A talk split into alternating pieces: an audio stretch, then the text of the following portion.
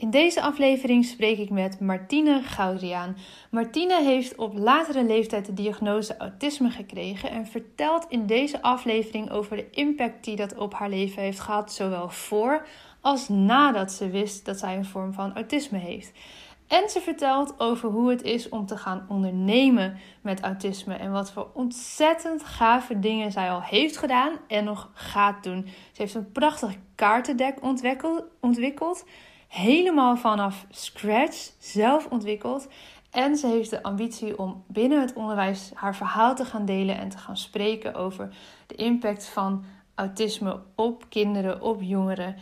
Prachtige ambitie en ik weet zeker dat ze dat geweldig gaat doen.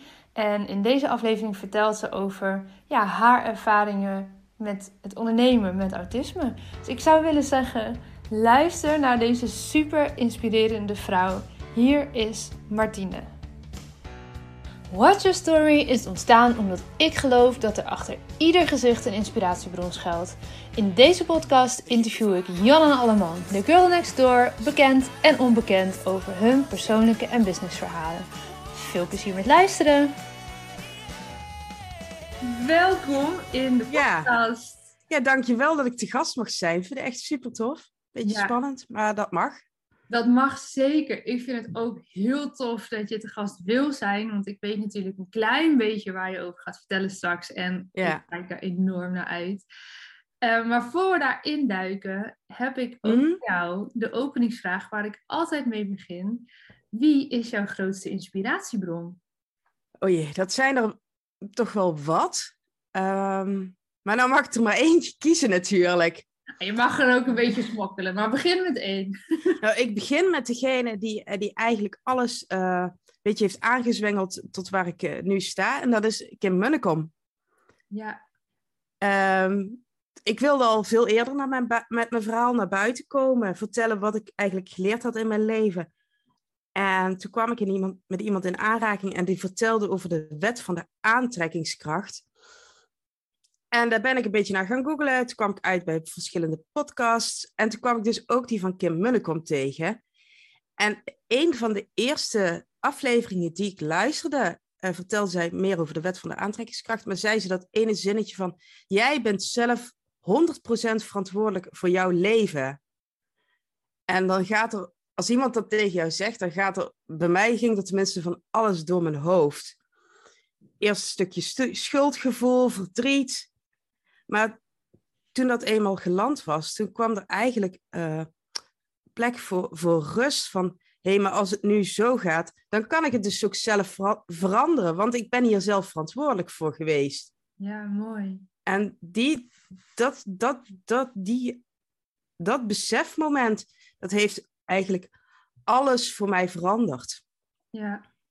Ja, dat het dus niet alleen is van uh, het schuldgevoel van, oh jee, maar dan, dan heb ik het misschien niet goed gedaan. Maar ook dat je juist daardoor de kracht weer terugkrijgt van, oh, maar dan kan ik dus ook 100% zelf ervoor zorgen dat de dingen anders gaan. Ja, en is het dan altijd leuk? Nee, maar het, het is wel echt veranderd. Ik ben van overleven naar niet gelukkig zijn, naar uh, wel gelukkig zijn gegaan. En dat was echt zo'n verademing.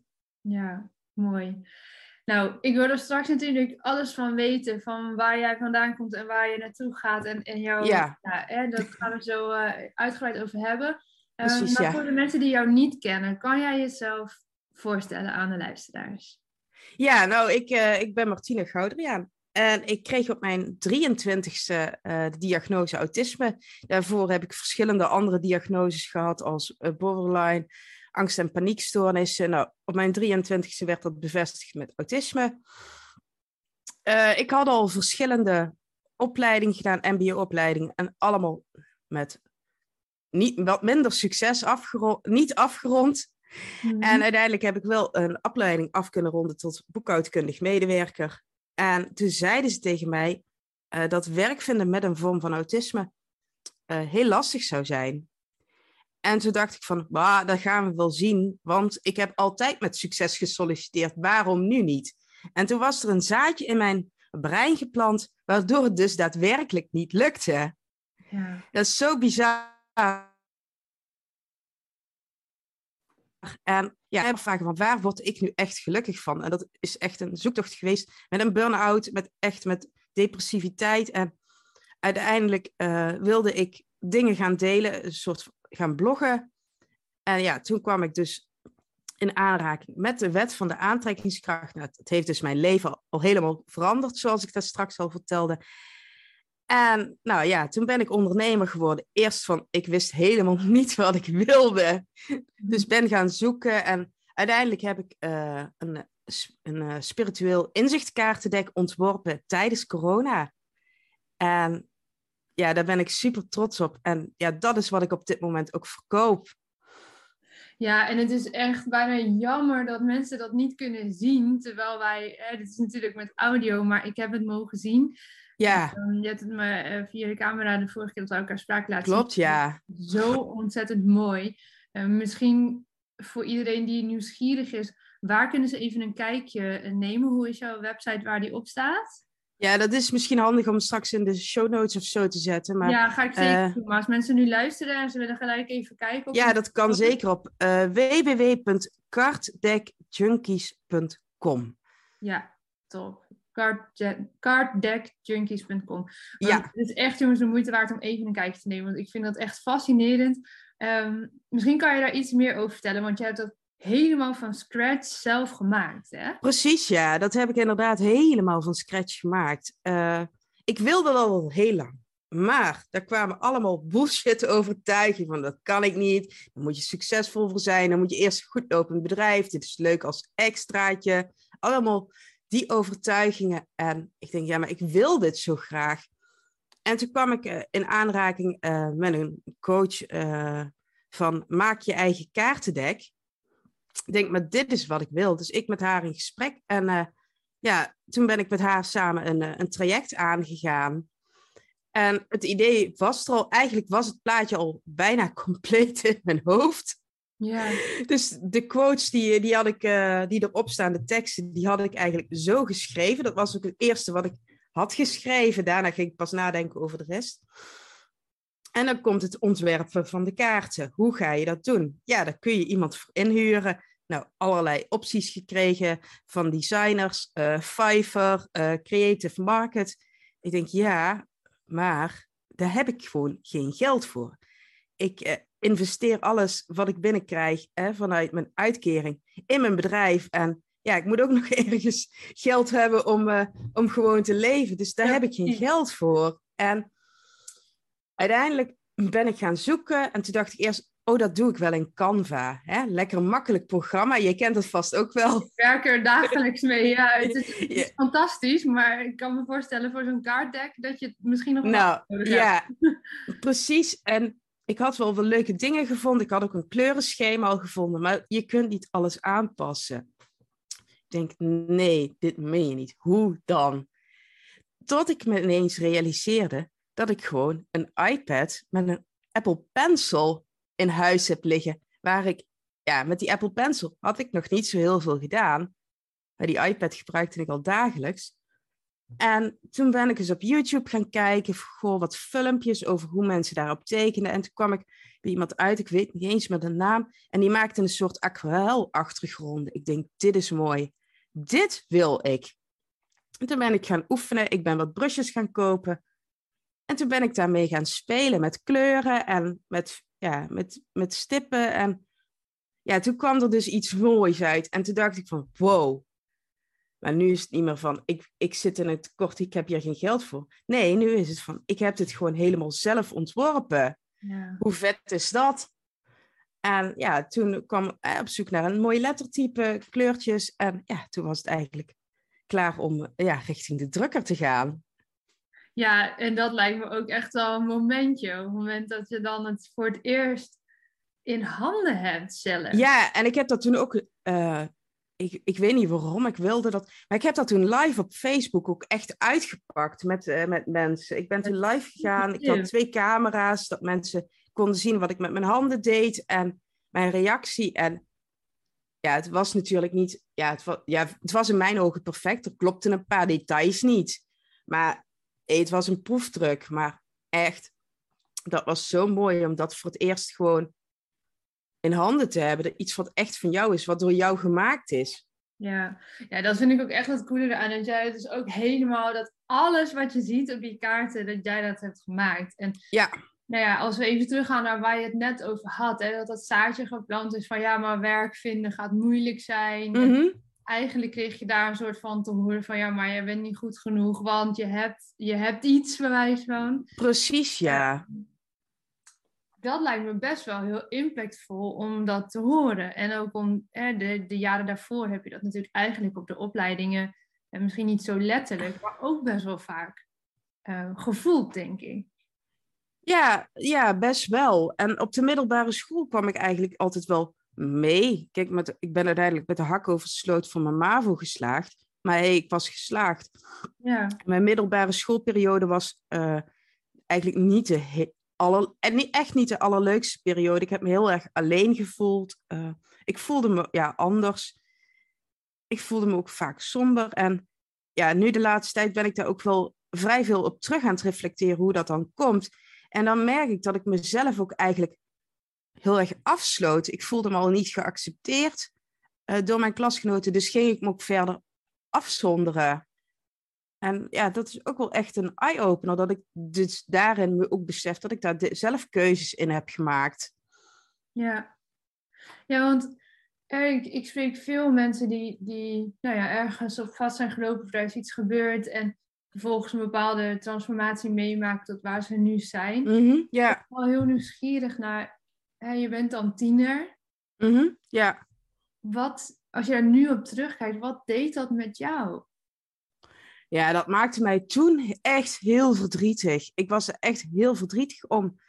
En toen ik eenmaal uh, mijn, mijn MAVO-diploma op zak had en naar het MBO ging, toen ging er wel een wereld voor mij open. Toen was het ineens wel heel anders. Wat was daar anders dan? Ja, ik ging toen uh, werken en leren. En ik kwam in een klas waar mensen mij zagen zoals ik was, waar ik echt geaccepteerd werd. Die, die mensen waren ook eigenlijk meestal al wat ouder. Ik was met mijn 16, was ik ook de jongste. De rest was echt, uh, was dit niet de eerste opleiding. Dus uh, ja, die waren ook wat ouder. En ik voelde me daar enorm thuis. Het heeft jammer genoeg maar een half jaar geduurd. Maar dat was wel een hele fijne tijd. Ja. Ja, in de tijd tot van uh, eigenlijk. En ik had sowieso altijd, toen ik aan die opleiding begon, dat was een opleiding tot opticien, had ik altijd ook al de droom om een eigen bedrijf te beginnen. Ik wilde toen nog een eigen brillenwinkel beginnen. Ja. Nou ja, dat is het dus nooit geworden. Maar wel ondernemer worden. Dus ik, ik kon dat toen al voor me zien. Geen idee hoe, maar ik kon toen al zien dat ik ondernemer wilde worden. Nou, en uh, pak een beetje 15 jaar later ben ik gewoon ondernemer geworden. Waanzinnig. Ja, dus, uh, maar ja, die periode is wel heel, het is wel altijd een hele turbulente uh, periode gehad, geweest waarin ik ook vaak heel verdrietig was, heel somber. Ik kon ook heel weinig genieten van dingen. Ik kon echt nergens van genieten. Ik wist ook helemaal niet waar ik gelukkig van werd. Nee. Wat um, zou jij misschien mee kunnen geven aan, en dan wil ik eigenlijk hem in tweeën delen, uh, aan mm -hmm. die daar nu mee struggelen, hè, met dat soort gevoelens en onbegrepen ja. worden. En laten we daarmee beginnen. En dan straks misschien ook, wat zou je willen zeggen tegen de ouders of de leerkrachten van deze kinderen? Want ik denk dat die een enorm belangrijke rol kunnen spelen. Zeker, zeker. Maar vanuit jouw ervaring, als nu iemand luistert, of die nou een tiener is of al iets ouder, maakt eigenlijk niet uit. Maar als je dat gevoel herkent, wat zou je willen zeggen vanuit jouw ervaring tegen deze mensen? Ja, blijf vooral jezelf en vind jezelf ook niet gek. Uh, want jij bent gewoon jij en iedereen is uniek, of je nou wel of geen beperking heeft. Iedereen is gewoon uniek. En jij, jij mag gewoon zijn wie je bent, maar ben ook uh, tevreden met jezelf. Leg de lat voor jezelf niet zo, niet zo hoog. He, leg hem gewoon wat lager en stap eroverheen in plaats van de lat heel hoog leggen en blijven springen naar iets wat, wat, je, wat je niet gaat lukken. Dat is zo zonde. Hoe heb jij dat gedaan, die lat iets lager leggen?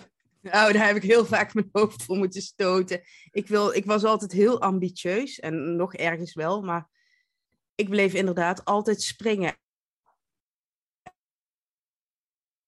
En nu, nu leg ik hem dus echt lager, misschien zelfs te laag, maar dat is een overtuiging. Ehm, door makkelijke dingen te doen, die je wel, makkelijke succesjes te bereiken. Gewoon kleine stapjes, zodat je ook het gevoel van succes kunt ervaren. Dat heb ik, ja, dat doe ik nu. Ja, nou, en wat denk ik ook wel heel belangrijk is, dat je de kleine successen ook gaat zien. Want heel vaak maken we dat ja, iets wat is pas een succes als iets, als iets heel groots is gelukt. Terwijl ja. kleine dingen van de, de, dagelijkse dingen op een dag zijn ook allemaal hele mooie positieve momenten en succesmomenten. Precies, ja. En ehm, ik heb ook zoiets van, een van mijn kaarten is ook ieder succes, hè? Ieder, ieder succes mag je vieren. En zo ben ik ook. Ieder klein succes, hoe klein die voor jouw gevoel ook is, mag je vieren. Gewoon er even bij stilstaan, reflecteren van yes, wat is er nu allemaal goed gegaan? Ja. Ja, ik hou daarvan. Want dat kon ik eerst niet, maar nu, nu doe ik dat gewoon. En sta ik daar veel bewuster bij stil. En dat, dat maakt het leven zoveel leuker. Ja, ja mooi. Hey, en als je dan vanuit jou bekeken hè, in die tiende jaren um, een advies zou mogen geven aan, aan ouders of misschien leerkrachten van um, nou ja, tieners zoals jij op dat moment was. Um, wat ja. je kunnen geven wat je misschien niet hebt, niet hebt ontvangen? Of wat was juist wel heel fijn? Nou ja, ik ben altijd heel liefdevol en beschermend opgevoed. En daar ben ik mijn moeder tot op de dag van vandaag nog dankbaar voor. Dat ze mij ook zo heeft opgevoed. Uh, al denk ik wel uh, dat het soms als ouder uh, goed is om ook kinderen los te laten daarin. Want iedereen bewandelt zijn eigen pad, dus een kind ook. Maar wat vooral belangrijk is, en zeker als de kinderen dan nog wat jonger zijn, om ze uh, ook meer zelfvertrouwen te geven. Want daar zit het hem vaak in. Ze vinden zichzelf niet goed genoeg, want ze zijn anders. En juist door die kinderen meer zelfvertrouwen te krijgen, kunnen ze ook meer succes gaan ervaren al, op jongere leeftijd. Hè? Want je hoort kinderen vaak al zeggen, zeker als ze twijfelen aan zichzelf, van ik kan dat niet. Ja, maak er dan van, ik kan het nog niet. Want dan, dan kan het nog komen, weet je, dan is het niet gelijk van nee, je kan het niet. Nee, je kan het nog niet. En zo zijn er allemaal kleine dingetjes waarmee je dat zelfvertrouwen kan stimuleren. Ik, want ik denk dat ik, als ik op die leeftijd, dus hè, echt basisschool, begin middelbare school, veel zelfverzekerder was geweest, dan had het me allemaal niet zo geboeid.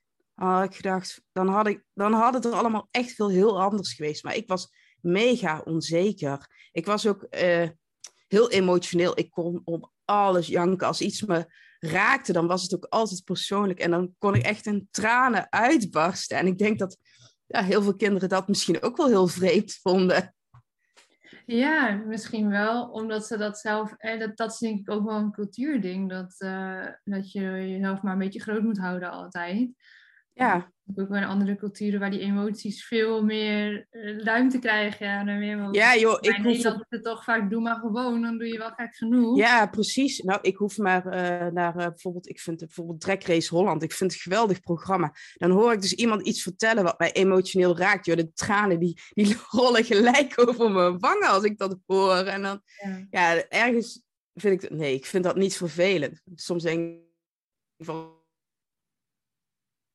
ja, kan het dan? Dit is wat ik wil, dit, dit, dit boeit me niet zo. Het is ook heel puur eigenlijk. Ja, weet je, het maakt je inderdaad mensen, het laat zien inderdaad dat iets je ook kan raken. En dan denk ik, oh, dit is gewoon, en dat eigenlijk tranen van, oh, dit is zo mooi. Niet van verdriet, nee, dit is gewoon zo mooi dat, je dit, dat, dat jij dit vertelt. Ja. ja, mooi zeg je dat. Dus ja, voor de ouders, voor de docenten, voor de, de, de trainers misschien wel, sportclubs. Uh, geef de kids het vertrouwen mee. Het stuk zelfvertrouwen uh, kan echt een enorm verschil maken. Ja, want ik denk dat daar echt de basis ligt. Het zelfvertrouwen van het kind. Dat ze ook goed, de bevestiging dat mensen ook goed genoeg zijn. Dat het niet altijd beter hoeft. Ja ja, heel mooi. En in plaats van hè, de, leg de lat hoog en ga de uitdagingen aan, is het soms ook goed om hem eens wat lager te leggen. En dat goed, goed genoeg is. Ja, nou, uitdaging aangaan kan nog altijd, maar dat hoeft niet eh, ja, ja mag, mag dat ook heel groot zijn. Maar maak het dan klein. Ja, stapje voor stapje. Stapje voor stapje, ja. denk eens aan het eindresultaat en welk gevoel je dat geeft. Ja. en daar is het echt... ook een heel mooi voorbeeld van. Hoe je dat eigenlijk stap voor stap toch echt al snel gerealiseerd hebt. En nu ligt er zoiets moois. Ja, precies. Dat is echt vanuit een tekort van ik kan het niet of het is niet voorbij. Uh, ik heb geen geld, ik heb dit niet, ik heb dat niet. Naar iets van ik heb het op mijn manier gemaakt. Ja. En ik wilde het al vanaf dag één, of ja, vanaf bijna dag één, wilde ik het in een, in een zakje hebben. In plaats van in een doosje. Want ik zag altijd alles in een doosje zitten. En ik kwam op Pinterest ergens iets tegen over een, in een zakje. Ik denk, dit vind ik mooi. Dit wil ik. En toen werd er eigenlijk al tegen mij gezegd van ja, moet je niet doen, is niet gebruikelijk, dan beschadig je de kaarten. Allemaal dingen van anderen. En toen dacht ik van ja, ja, dan maar niet, weet je, dan toch maar dat doosje. Ik heb dat doosje wel zo ontworpen dat, dat het echt van mij is. En toen was de eerste oplage uitverkocht. Toen dacht ik, ja, maar ik wil het toch in een zakje. Dus ik ben gaan zoeken van, oh, hoewel, welke zakjes kan ik dan gebruiken? Welk formaat? Uh, opdrukken en zo. En toen kwam ik bij een zeefdrukker uit. En toen dacht ik, ja, dit is wat ik wil. En het frappante is dat ik had een, een reel gemaakt op, op Instagram. En daar liet ik dat zakje ook zien. En toen kreeg ik van die coach die me dat toen had afgeraden, een berichtje van... Hé, hey, maar dat is wel heel mooi, dat zakje. Waar heb je dat laten maken? ik denk, oké. Ga ik je niet vertellen, is mijn geheim. ja, echt zo van... Oké, jij was toen degene die zei: nee, dat moet je niet doen. Ik heb geleerd dat ik trouw moet zijn aan mijn gevoel. Dus ja, dat doe ik nu gewoon. En nu, nu zeg je ineens van: oh, wat is dat mooi. Ja. Oké. Okay. Maar als je het dus heel dicht bij jezelf houdt en trouw bent aan jouw eigen ideeën daarin, hoe aanstekelijk dat dus ook werkt voor anderen. Precies, ja. En ik sta nu, ik ben nu ook wel zoveel gegroeid. Want ik denk, sinds je, ja, jij kunt dat misschien wel beamen. dat zelfstandig ondernemer worden de grootste ontwikkelingsreis in je leven is. Ja, absoluut. Ja, ik leer nog elke dag. En elke dag, zeker ook met, door alle gesprekken die ik heb in de podcast, ook nu weer. Je krijgt zoveel mooie ideeën en elke keer ja, leer je nog weer bij. En het is niet alleen dat je vakinhoudelijk leert, maar ook als ondernemer ja, leer je zoveel. En, uh, of het nou het ontwikkelen van een kaartdeck is, of het organiseren van een event, of nee, wat het ook maar is wat je dan weer nieuw gaat doen. Je, elke keer leer je er zoveel van. Ja, en je loopt tegen dingen aan, dingen stromen niet. En dan moet je het eerst bij jezelf gaan zoeken. Ja. Of ja, we weten nooit dat we het eerst weten, maar we moeten eigenlijk altijd eerst bij onszelf gaan zoeken. Want ja, wij blokkeren het vaak zelf. Ja. En dat heb ik ook wel gemerkt hoor, uh, in het stukje ondernemen. En dat is ook helemaal oké om, eh, om dat te mogen leren. Die kans krijg ik ook gelukkig vanuit het UWV, omdat ik ja, hiervoor, nou ik heb nog steeds mijn waaijong-uitkering. Maar ik vind dat wel zo mooi om dat er nu te combineren, zodat ik straks uh, ja, zo lekker op eigen benen kan staan en die, die uitkering gewoon niet meer nodig heb. Ja. Nou ja, en dat is misschien ook wel een mooie schakel naar uh, wat jij mij eerder vertelde. Ik hoop dat je daar iets over wil delen. Als dat niet zo is, mag je het ook gerust zeggen. Mm Over en de ambities die jij nog meer hebt in het ondernemerschap. Want jij had wel echt prachtig mooie ideeën daar ook nog bij. Ja, zeker wel. Ja, ik hou, ik hou, ik hou van geld en ik wil gewoon lekker verdienen. Maar ik heb sowieso nog. Uh, ja, ik wil ook gewoon nu. Dit, dit is eigenlijk de eerste echte keer dat ik naar buiten kom met, met dit verhaal. En dat zou ik gewoon veel vaker graag op podia willen doen. Om, om mijn boodschap uh, te verspreiden. Want als je de diagnose autisme krijgt, en ik zie het gewoon ook nog in mijn omgeving, die mensen die, die, die kruipen vaak in de slachtofferrol van ik kan er niks aan doen. Hè, het is nou eenmaal zo. Uh, ja, maar ik heb dit of ja, maar ik heb dat. En dan denk ik, oh my god, ja, dit had ik tien jaar geleden ook. Maar als ik nu kijk wat er allemaal veranderd is, dan door de regie te nemen over je leven, door keuzes te maken, dingen anders te zien, kun je zoveel genieten van het leven. En ik geloof er daadwerkelijk in dat als ik kan ondernemen, dat een ander het ook kan, of die nou wel of geen beperking heeft. En dat is mijn boodschap die ik zo graag met de wereld wil delen. Dat, dat gewoon alles mogelijk is. Ja, ja en het is zo'n belangrijke boodschap, denk ik ook. Ehm, ook als ik het betrek op, op mijn eigen verhaal. Hè, en dat ik als tiener eigenlijk ook, nou ja, ik moest toen afscheid, afscheid nemen van de sport. En dat is een mm andere situatie dan, uh, dan waar jij in zat. Een heel andere context. Maar wel ook het gevoel van, ja, je bent niet goed genoeg. Of in dit geval, je lijf, in mijn lijf, lijf was niet sterk genoeg. Dat was eigenlijk de boodschap. Maar dat niet goed genoeg gevoel toch ook onder zit.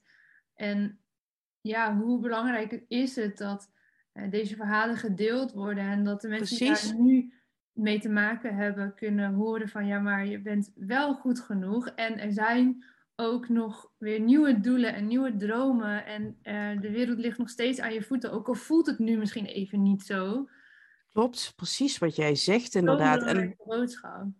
Ja, en na zo'n diagnose of een, iets wat je verteld wordt, zoals bij jou, van ja, je lichaam is niet goed dan krijg je sowieso een stuk rouwverwerking. Hè? Want ineens stort alles in elkaar, want het is niet meer mogelijk. Ja, dat is echt een rouwproces. Ja, en door juist dan te kijken naar wat er wel mogelijk is, ja, gaat je mindset zo veranderen en ga je andere, andere kansen zien. Ja. En ja, dat, dat gun ik ook gewoon iedereen, dat, dat, dat je je kansen ziet en dat je, dat je het gewoon wel kan.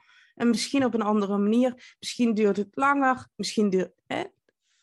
Het maakt niet uit, maar al, het is gewoon, niets is onmogelijk. Nee. Nee, nou, ik vind het echt super, super inspirerend hoe jij hierover vertelt. Het inspireert mij ook. Ik sta ook op een punt om weer wat keuzes te maken in mijn bedrijf. Oh ja.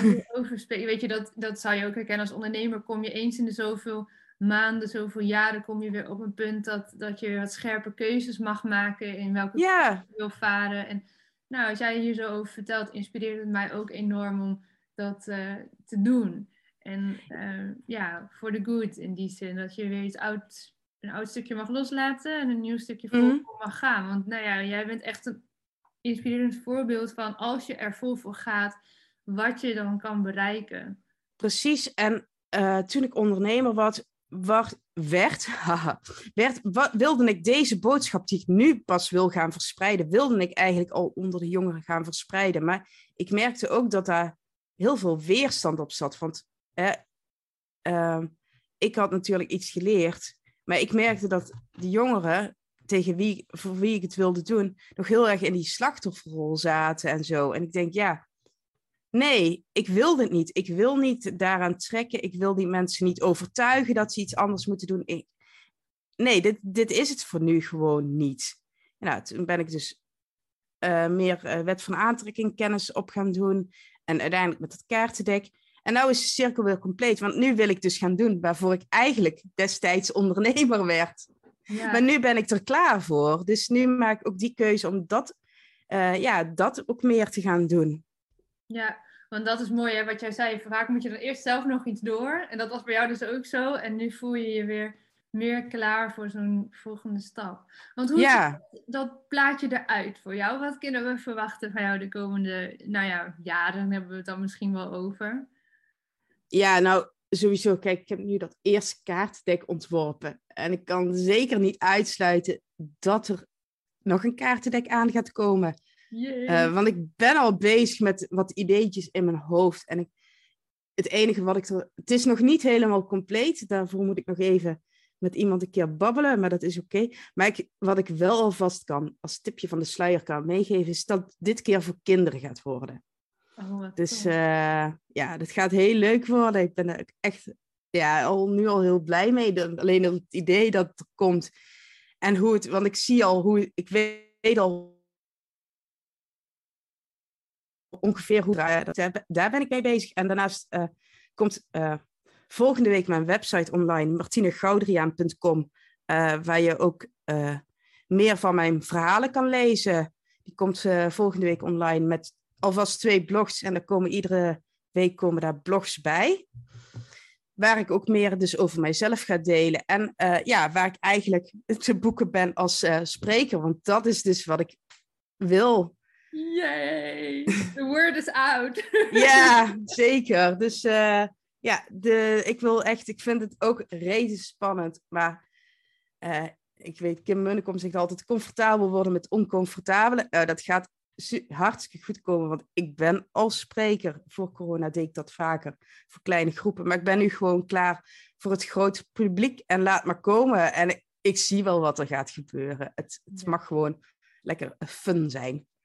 Ja, dit, ik geniet hier echt van, want ik, ik zie jou, hè, wij spreken via Zoom. En ja, precies. een soort van sprankel aan in jouw ogen als je hierover ja. vertelt. En ik zie ook hoe spannend het is, maar ik zie ook wat het doet in jouw hele gezicht. Van, oh ja, maar ik ben hier klaar voor. En ehm, dit, mijn verhaal mag verteld worden ter inspiratie. En uh, kom maar op, wereld. Ja joh, ik, ik, uh, mij kun je niet meer raken. Ik, uh, ik ben er helemaal klaar voor. Ja. ja. Geweldig. En waar, op welke plekken wil jij graag spreken? Is dat ergens specifiek? Of als mensen dit uh, luisteren en denken van nou dat hele verhaal van op latere leeftijd um, de diagnose van autisme krijgen en eh, de struggle die jij als tiener hebt ervaren en denk van nou dat, ik zou jou wil, willen voor mijn event of op scholen of waar ben jij? Ja nou ik zat eerst zelf te denken en het staat natuurlijk nog helemaal open en het echt niet dat ik op maar. Maar ik denk zeker op scholen dat ik uh, voor uh, leerkrachten in het basisonderwijs een enorme inspiratiebron kan zijn, maar ook uh, enorme lessen kan vertellen over het stuk zelfvertrouwen ja. bij kinderen. Want daar is, ja, dat is vaak, hoe moet je dat zeggen, daar begint het. Het is Ja, ja, dus de leerkrachten, als er nu mensen luisteren en denken van, oh, maar voor mijn school zou dat interessant zijn of ik zou hier meer van willen weten, uh, zoek ook alsjeblieft even contact met, met Martine daarover. Ja, Facebook, Instagram, uh, gewoon Martine Goudriaan. Dan kun je me gewoon, uh, de website komt volgende week online en ik zal Laura Lotte even laten weten dat ze dat eventueel nog aan de show notes kan toevoegen. Ja, dat en dan, goed.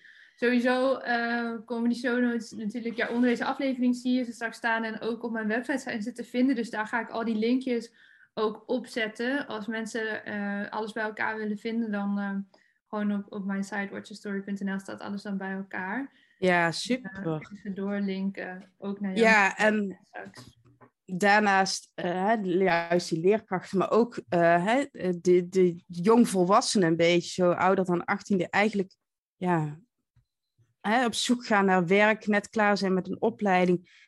Ja, die zou ik ook gewoon heel graag met mijn verhaal willen inspireren. En uh, ja, vertellen dat het leven niet klaar is met een diagnose, maar dat het dan pas begint en dat je nog zoveel keuzes kan maken. Dat er gewoon echt alles mogelijk is. Want wat ik, eh, waar ik me laatst heel erg bewust van werd, en dat was echt zoiets van, hè, wat, wat, wat ben ik nu aan het vertellen, is voor mijn diagnose autisme ging ik altijd met de trein op pad. En dat was, ja, ik, ik zat niet graag in een hele drukke trein, maar wie zit nou wel graag in een drukke trein, hè? Wie mhm. staat er wel graag een half uur? Uh, ik, ik denk niemand, maar ik had daar helemaal geen moeite mee. Toen kreeg ik de diagnose autisme. En toen was het van, ja, je hebt moeite met prikkelverwerking. En ineens kost het treinreizen zoveel meer moeite.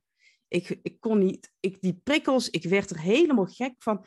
Ik zat met mijn noise cancelling koptelefoon bij wijze van spreken ergens ver verstopt in een hoekje. En ik hoorde nog alles. Dat was gewoon zo bizar. En toen ben ik me dat gaan uh, realiseren dat dat zo was. En ja, toen kwam ik weer bij een podcast uit of iets over de Choose Again methode van Gabby Bernstein. En dat is in drie stappen opnieuw kiezen. Mhm. En toen ben ik dat gaan shiften. En nee, dat ging niet in één keer goed. Maar inmiddels ben ik alweer, ik denk een jaar verder, kan ik met gemak in de trein, in de trein zitten zonder dat het me heel veel energie kost. Dus ik denk van, hè? Eerst kost het geen moeite. Dan ineens wel. Wat? Er is toch niks veranderd? Maar er was weer een zaadje in mijn brein gepland, geplant waardoor het ineens moeilijker werd. Ik denk, ja. Maar dat is dus ook wat de impact van woorden is. Hè? En dat kan zowel positief als negatief zo Ja. impact maken. Ik weet dat bij mij ook, eh, toen die dokter in de witte jas zei van ja, je hebt reuma, dan ga je dat ook leven. Net als hè, je hebt autisme, dan ga je dat leven. En aan de ene kant kan het heel fijn zijn, want het zorgt ervoor dat je jezelf beter begrijpt en dat je dus ook beter nodig hebt. Dus zo'n diagnose is zeker niet alleen maar slecht. Nee. Ehm, maar wat je zegt, het kan ook ja, een bepaalde negatieve uit, eh, uitwerking hebben. Omdat je, ja, er is, ik weet niet of die titel van het boek zo is, maar iemand heeft daarover geschreven. Ik weet zo even niet meer wie, eh, dat moet ik jullie schuldig blijven. Maar die heeft het erover van je hebt het niet, je doet het. Je Ja. geen reuma, je doet reuma. En dat is wel wat zo'n diagnose eh, ja, kan doen. En die impact daarvan is dus echt zo enorm. En dat Mhm. kost vaak nog weer zoveel moeite om dat weer terug te kunnen eh, nou ja, draaien als het ware. En ik, nou ja, bij mij heeft dat 10, 12 jaar geduurd voordat ik echt loskwam van dat ziekteverhaal, van dat slachtofferverhaal ook wel, van Ja. de diagnose. Dat ik dacht, ja, maar jij hebt dat wel tegen mij gezegd, maar eh, mijn lichaam is eigenlijk gewoon helemaal eh, gezond. En als Mhm. ik daar goed voor zorg, dan heb ik dat niet. Maar ik ben het Ja. wel gaan doen al die jaren lang. Ik deed dat ik niet kon rennen. Ik deed dat ik niet dit kon. Ik deed dat ik niet dat kon. Terwijl ik kan het wel nu. Dus ja, hoezo? Ja, dat is zo bizar. Maar je, het wordt gewoon je identiteit. Je gaat je ermee identificeren. Ja, En ja, dat is gewoon zo bizar. Maar door dat stuk los te laten, gaat er echt een wereld voor je open. Dat is zo bizar. maar dat proces, dat is iets waar je moet daar achter komen. Je moet dat durven. En, en dat is vaak ook wel een bepaald rouwproces. Want bij mij eerst was het het loslaten van Lotte de sporter. Toen Ja. was het het loslaten van Lotte, eh, het meisje met de reuma. Want ook dat geeft een bepaalde aandacht en een eh, liefde van mensen die ernaar vragen. Precies. Mijn bedrijf is daaruit ontstaan. En ja. Ja, wat blijft er over als dat verhaal ineens niet meer zo belangrijk is? Het mag er wel zijn, hè? In zo'n gesprek als nu ja, een mooi voorbeeld van hoe het ook anders kan. Ehm, maar ja, wat blijft er dan nog over qua identiteit? ja. En het, als, als dat stuk wegvalt qua identiteit, maakt je natuurlijk ook weer kwetsbaar. Ja, dus houden mensen daaraan vast. Ja, dus. En, en kwetsbaar betekent ook dat je geraakt kunt worden. Dus ja, zo'n diagnose kan dan gewoon ook heel veilig zijn. Ja, absoluut. Maar als ik iets geleerd heb, dan is het in die, in die veiligheid kun je ook niet groeien. Dat houdt je waar je nu bent. Ja, en als je daar tevreden mee bent, ja, lekker blijven doen. Als je niet tevreden bent, dan zal er iets moeten veranderen. Ja. Nee, dat is ook hoe je brein werkt, hè? Want die wil maar één ding, jou veilig houden. En Ja, ja, als je daar los van wil komen van zo'n oud verhaal, dan is dat gewoon in ieder geval een tijdje eh, voor je brein gevoelsmatig onveilig. En Ja. ja, we zijn inmiddels wel zover dat we niet daadwerkelijk onveilig zijn, maar ons brein denkt nog als de oertijd. ja dat klopt. ja, die houdt ons graag waar we zijn. Ja, nou, en dan kan ik nog wel eens. Ik heb toen ook, ik was ook in een tijd, toen, toen eh, deed ik een werkervaring deed ik op. En eh, toen maakte ik een, een, een foutje. Het was geen hele grote fout, maar daar werd door een collega een drama van gemaakt. En toen zei mijn leidinggevende op een gegeven moment tegen mij: Maar Martine, zijn er dooien gevallen? Ik keek hem aan. Ik denk: Jongen, waar heb jij het over? Zei: Nee. Hij zegt: Wat is er dan zo erg aan die fout? Ja, eh, niks natuurlijk. En zo denk ik nu ook wel van: als er iets gebeurd is van. oh, iets wat heel, in mijn ogen heel erg is, waarvan ik echt ook paniek ervaar. Dan denk ik altijd: zijn er doden gevallen? En dan denk ik: nee. Dus wat is er nou zo erg? Er is toch helemaal niks erg? Nee. Ik, ik leef nog, dus Ja, precies. ik kan, ik kan weer opnieuw kiezen. ja, ja, dat is een mooie om te relativeren. Ja, als, als dat het ergste is, hè, doden of zelf doodgaan, als dat dan het ergste is wat kan gebeuren, wat, wat is er dan eigenlijk nog erg? Ja, Ja, mooi gezegd. Mooi statement. ja Moeten we precies. daar eh, de luisteraar maar weer mee de rest van de dag insturen. Hè? Als er iets misgaat, als je een keer eh, op je bek gaat, even zo plat gezegd. Mhm. Hoe erg is het werkelijk? Zijn er nou dooien gevallen? Nee, nou sta weer op en ga door. Uh, Precies, ja. Fouten, bij iedereen mislukt er wel eens wat. Ja, Maar laat je er alsjeblieft niet door tegenhouden. En zeker niet als je in zo'n proces van nou ja, identiteitstransformatie zit. Van iets loslaten wat veilig was. Uh, ja, dan ga je gewoon af en toe eventjes uh, op je snuit. Uh, Ja. Sta op en, en vervolg dat proces. precies. En eh, hè, verander de plannen, maar niet de dromen. Weet je, een droom is iets om nooit meer op te geven. En vaak eh, als we volwassener worden, dan mogen we niet meer dromen. Want dat is voor kinderen. Maar joh, ga lekker dromen. Daar, daar, daar kun je van genieten. Dan krijg je weer zo'n heerlijk gevoel zo. Ja, mooi. Jongens, ga lekker dromen. Ja, Dankjewel precies. Martine voor dit prachtige gesprek en voor jouw eh, wijsheid en mooie inzichten. Ja, jij ook heel erg bedankt dat ik hier te gast mocht zijn. Echt, ja, hartstikke tof. Dankjewel. Vlak nadat we de audio-opname hebben gestopt, vertelt Martine nog over een tweede inspiratiebron. En gelukkig liep de backup-opname van de audio nog wel. En kunnen we dat er dus achteraan plakken voor je. Dit gaat namelijk over haar oma. En daarover vertelde ze nog zo mooi, zo liefdevol over hoe zij haar inspireert. En dat wil ik jullie niet onthouden. Dus hierbij nog een hele kleine toevoeging aan deze podcast. Martine die vertelt over haar inspiratiebron, haar eigen oma. Nou, we hebben het niet gehad over die tweede inspiratiebron, maar die wil ik je zo nog wel even vertellen. Dat is mijn oma. Oh, En dat is heel... Mijn oma is... eh, ze is inmiddels... eh oh, dat moet ik altijd liegen. 86 geloof ik, of 87. Ik weet het nooit precies. nog. En die is als zeven maand kindje geboren. ja. En dat, in die tijd had je geen couveuses. En ze woonde op een schip. En ze kon niet, die konden niet naar het ziekenhuis. Hoor. Dat ging echt niet. En toen hebben ze gezegd van... Jij, jou, jij leeft... Geef, die, geef dat tien dagen en dan is dat kindje overleven, overleden. En ja, mijn oma is zo'n doorzetter, want ze leeft nog altijd. Ja, wauw. En dat is ook wel een ding voor mij. Als je al zo jong moet vechten en dan gewoon ja, 86, 87 bent, joh. Who cares? Hè? Ja, echt. Dat, eh, dat is ook echt een mega inspiratie. En mijn oma is misschien ook wel mijn grootste fan. Alleen zegt ze wel af en toe van... Wanneer ga je nu een keer echt geld verdienen? Al dat investeren? Dan denk ik, ja oma, het komt goed. Ja, maar dat is ook een generatiedingetje, hè? Ja, maar mijn opa was ook ondernemer. Dus het zit, zit ook in de familie verweven hoor. Dus, Ja. eh, Maar ik weet, ze bedoelt het allemaal heel goed hoor. Maar dat is wel... eh, En ze gunt het jou ook, denk ik. Zeker wel, want die ziet, die ziet ook zoveel verandering. Ja. Het is echt zo bizar. Maar ja, nee, het was hartstikke leuk dat gesprek. Dankjewel voor het luisteren naar deze aflevering van de Lotte Gerland podcast. Ik vind het super leuk om te weten wie er luistert en vind het dan ook te gek als je dit met me deelt. Bijvoorbeeld via je Instagram stories.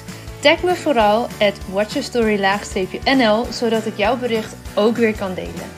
Samen bereiken we zo nog veel meer mensen en kunnen we dus ook met alle verhalen nog meer impact maken. Heb je nou zelf een inspirerend verhaal dat je eigenlijk graag zou willen inzetten voor de marketing en communicatie van jouw bedrijf, maar kom je er niet helemaal lekker uit? Ga dan naar watchyourstory.nl en plan een gratis 30 minuten marketing strategie sessie. Dan gaan we er samen naar kijken en ik kijk er enorm naar uit om je daarover te spreken.